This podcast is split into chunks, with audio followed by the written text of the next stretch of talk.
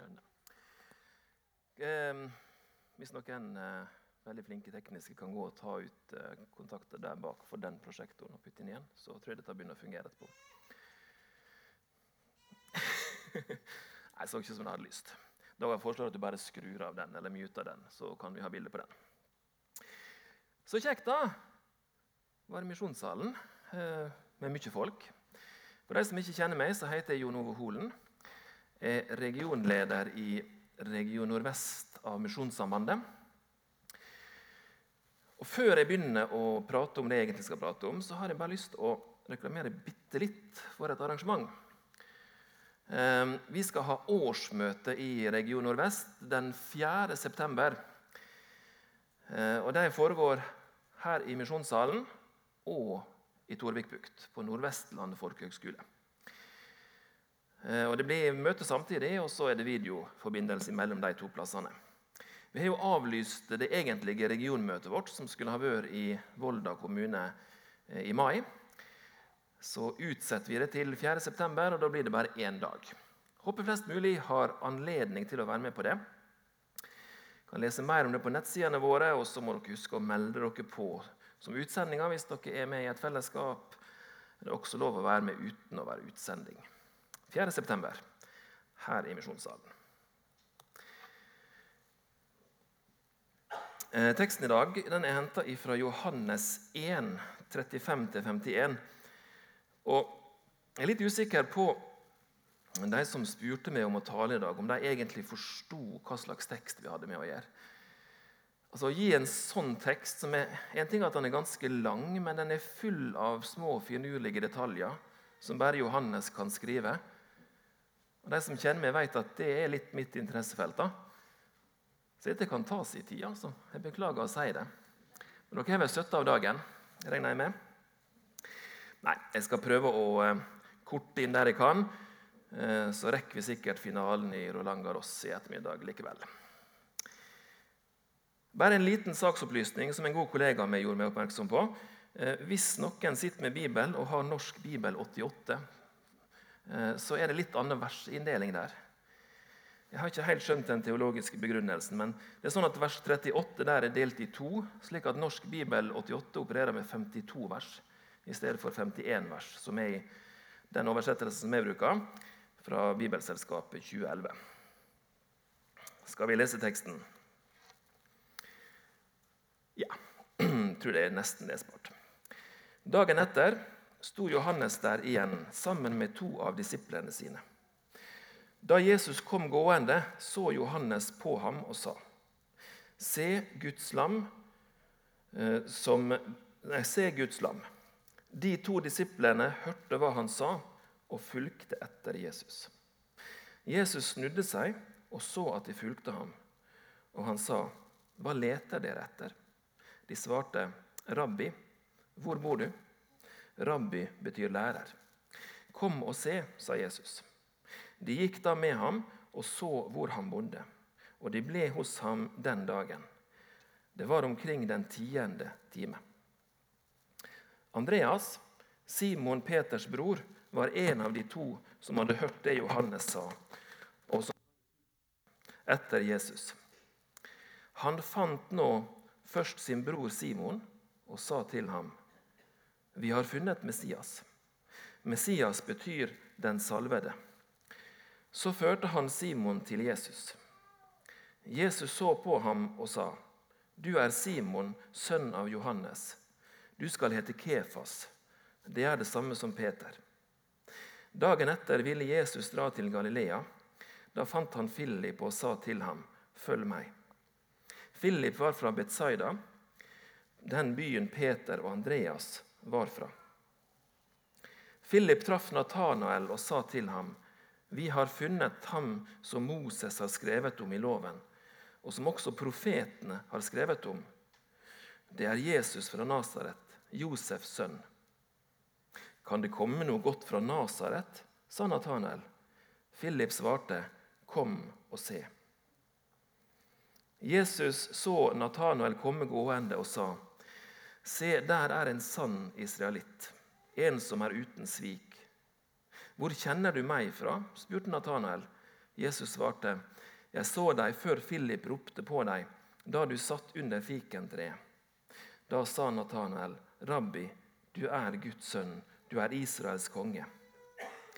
Tror du fordi jeg sa, jeg, tror du fordi jeg sa at jeg så deg under fikentreet? sa Jesus. Du skal få se større ting enn dette. Så sa han, Sannelig, sannelig, jeg sier dere, dere skal se himmelen åpnet og Guds engler gå opp og gå ned over menneskesønnen. Kjære himmelske Far, takk for ordet ditt til oss. Jeg ber om at du velsigner ordet ditt. Velsign hver enkelt av oss. Gi oss et møte med deg i formiddag. Amen. Teksten forrige søndag, eh, hvis noen eh, fulgte med da, eh, den handler om forholdet mellom døperen Johannes og Jesus. Disiplene til døperen Johannes de så at flere og flere folk begynte å følge etter Jesus og gå til han. Færre og færre kom til Johannes. Og så klagde de sin nød til døperen Johannes. Og Han svarte med å si at det var nettopp det som var poenget. Hans oppgave var å peke på Jesus. Og så er det litt av, av samme problemstilling i teksten i dag. Johannes han mista to av disiplene sine fordi han peker på Jesus, og de begynner å følge han i stedet. Da kan vi ta med oss de kjente ordene som var i teksten forrige søndag, som Johannes sa. Han skal vokse, jeg skal avta. Teksten starter med 'dagen etter'. Da har det skjedd et eller annet dagen før. Det vet vi. Og Det som skjedde dagen før, det var at Johannes pekte på Jesus, og så sa han, 'Se Guds lam som bærer bort verdens synd'. Så blir det gjentatt i litt sånn kortform i vår tekst. Men dette er jo henta fra Det gamle testamentet. Bildet er fra Jesaja 53, 7. Han ble mishandlet, han ble plaget. Det er altså om Jesus som står der. Og han åpnet ikke munnen lik et lam som føres bort for å slaktes, lik en sau som tier når den klippes. Og han åpnet ikke munnen. Og I 3. Mosebok 16 så kan vi lese om disse reglene for syndoffer som israelsfolket skulle gjøre. De skulle ta to bukker, og en av dem skulle slaktes som syndoffer. Den andre skulle øverstepresten legge hendene sine på hodet til og Så skulle han bekjenne folket sine synder, og så skulle de sende denne bukken ut i ørkenen. Og Så skulle på en måte symbolsk sett denne bukken bære bort folket sine synder. Og Så sier Johannes om Jesus at han er Guds lam.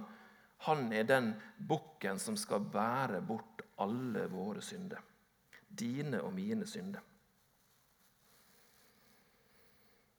Disse to disiplene, som altså hadde vært Johannes sine disipler, døperen Johannes, og som begynte å følge Jesus, de eh, eh, gikk jo da fra Johannes, og så står det at de begynte å følge Jesus.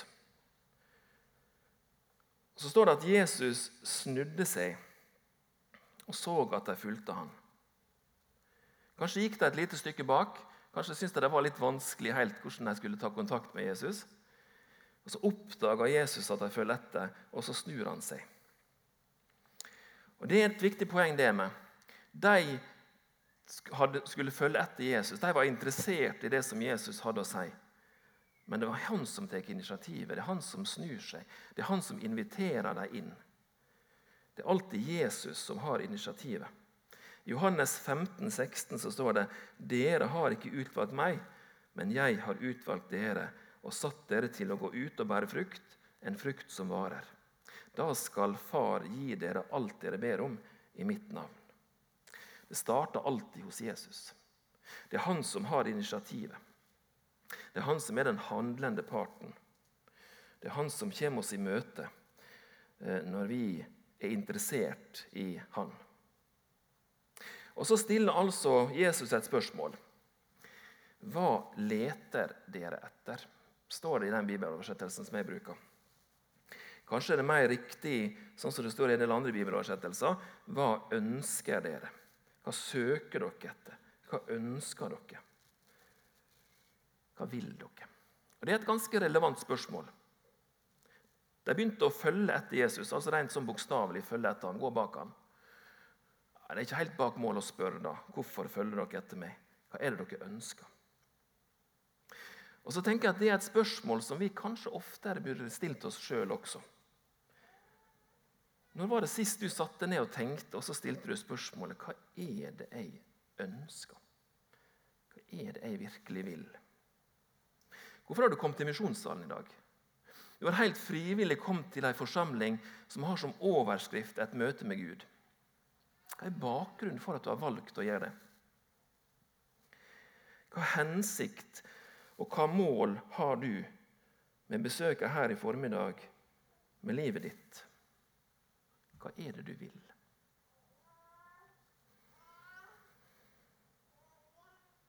Disiplene de svarer altså med å stille et spørsmål om hvor Jesus bor.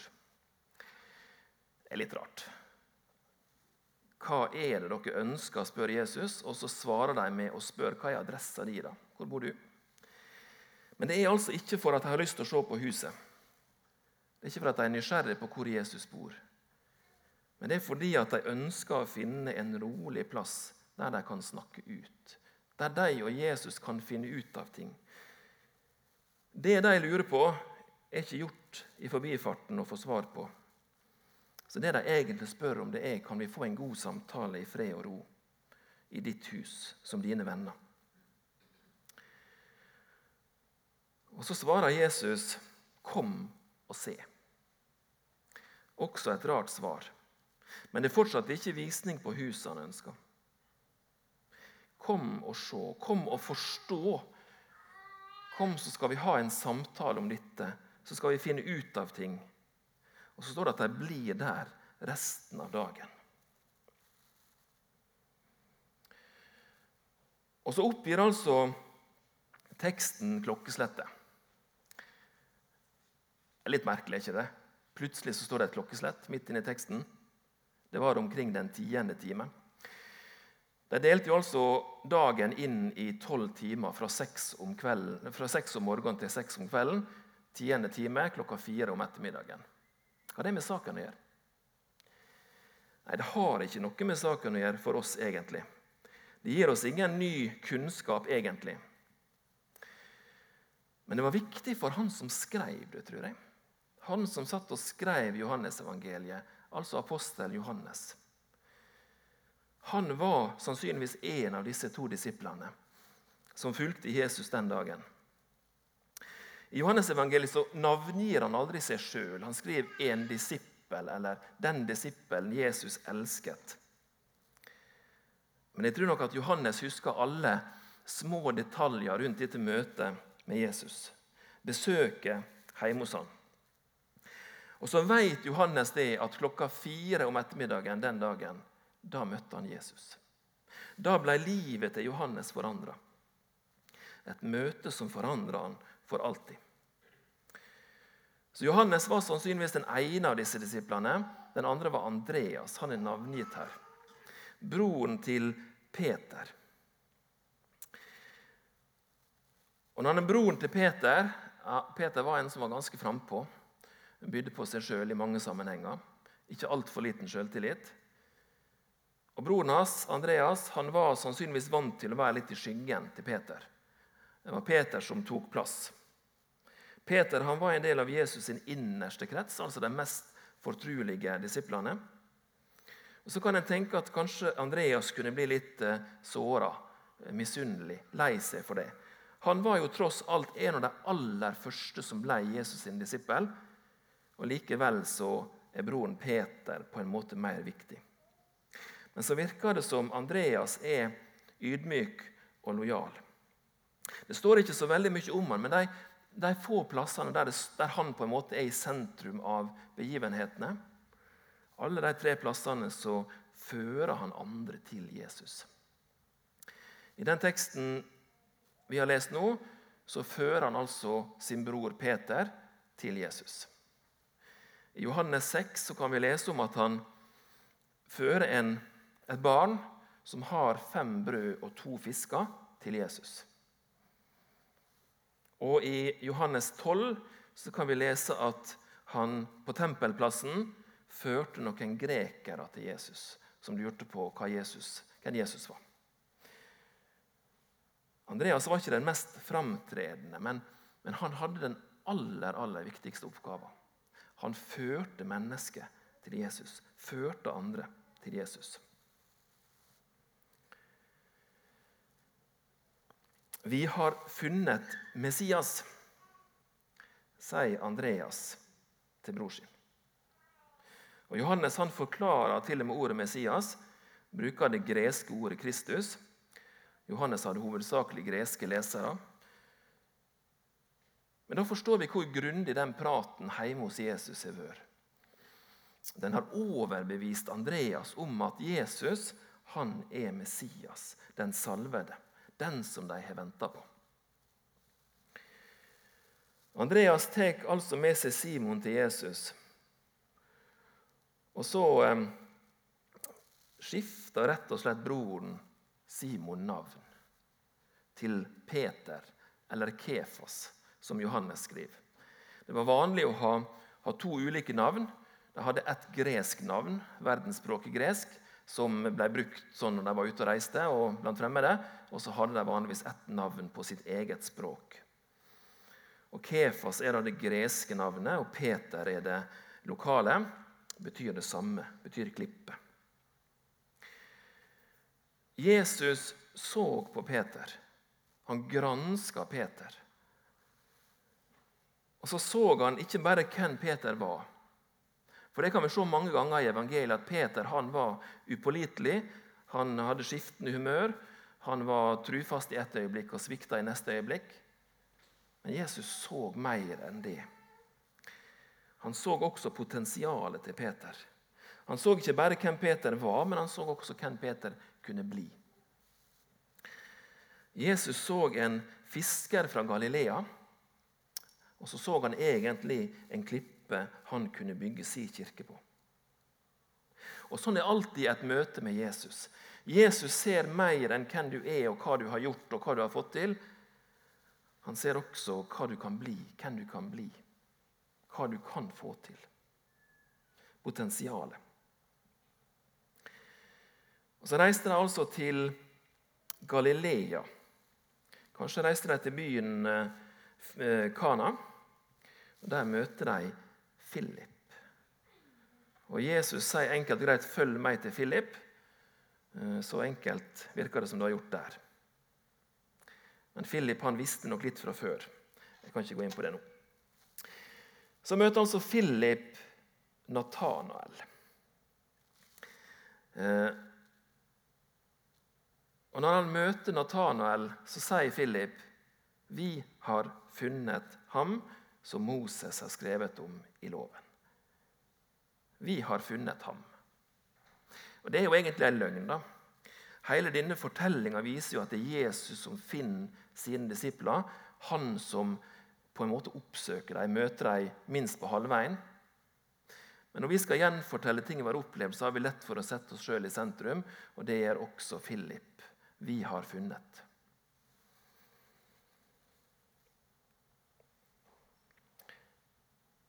Og så er det da endelig litt fogderistrid i Bibelen. Det, det liker vi som er sunnmøringer.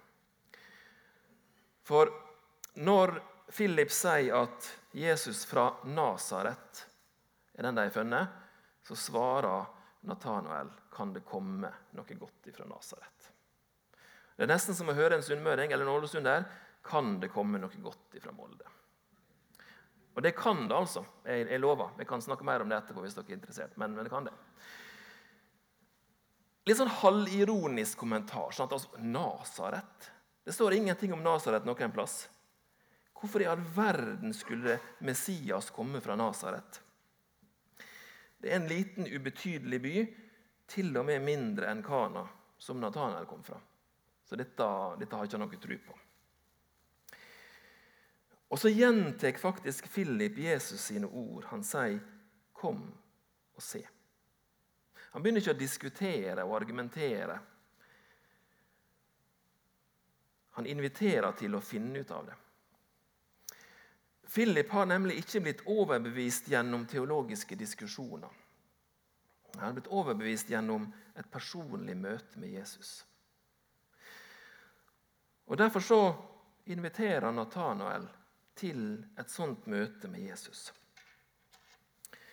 Jesus så Natanael komme gående og sa, Se, der er en sann israelitt, en som er uten svik.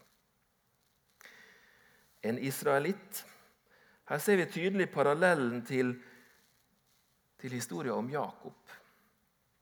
Jakob som var en uh, luring, for å si det veldig forsiktig. En svindler, kanskje. Han, han svindla eller lurte til seg førstefødselsretten fra bror sin Esau. Han, han lurte til seg farens velsignelse. Og Så møter vi igjen Jakob i en brytekamp med Guds engel. Og Der tvinger han på en måte ut av engelen en velsignelse. Og I den forbindelse så sier engelen at Jakob ikke lenger skal hete Jakob, han skal hete Israel. Jakob får et nytt liv. Et liv har seg prega av, av svik. Nå skal det være prega av trufasthet. Og så får Natanael på en måte det samme bildet, samme beskjeden fra Jesus. Natanael han er en israelitt uten svik. Jesus veit hvem han er, fordi han har sett han under fikentreet. Det høres jo litt rart ut, men, men fikentreet det kan vi finne igjen det symbolet mange plasser i Bibelen. og Det er vanligvis et, et symbol på, på, fred og ro og ettertanke. De satt ofte i skyggen under fikentreet og tenkte på viktige ting og ba. Og Natanael har sikkert sittet under fikentreet og kanskje tenkt på løfter om en Messias og bedt om at Messias skal komme. Og Så møter han Jesus, og så sier Jesus akkurat hva han hadde tenkt på. Natanael det navnet er forresten bare nevnt i Johannes-evangeliet. Eh, men sannsynligvis finner vi samme person igjen i det andre evangeliet med navnet Bartolomeus.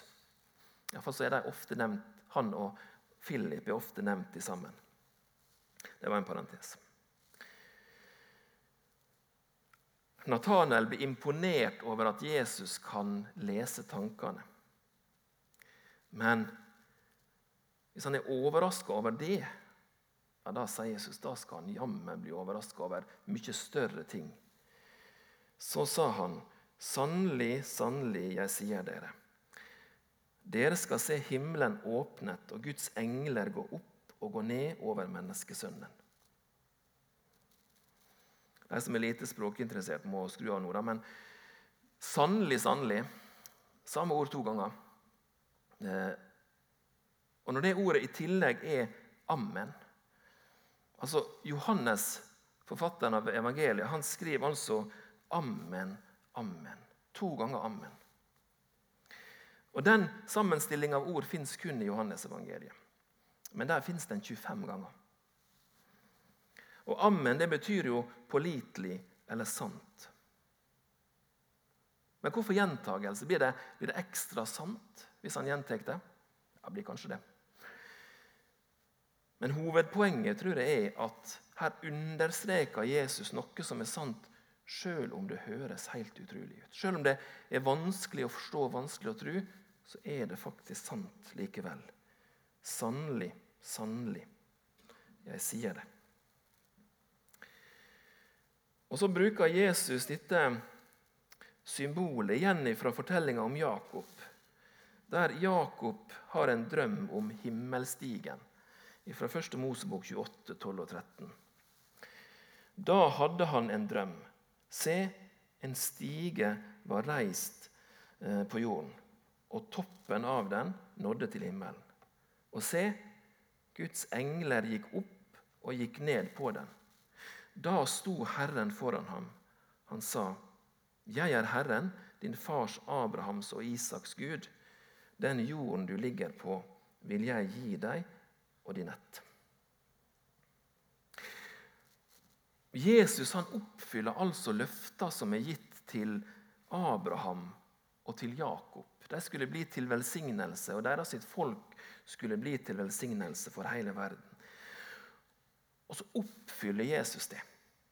Han kan ikke bare lese tankene til Natanael, men Jesus er også veien til Gud. Forholdet mellom Gud og mennesket er åpna. Og det er Jesus som har åpna det. Det er gjennom han mennesker kan få tilgang til Gud.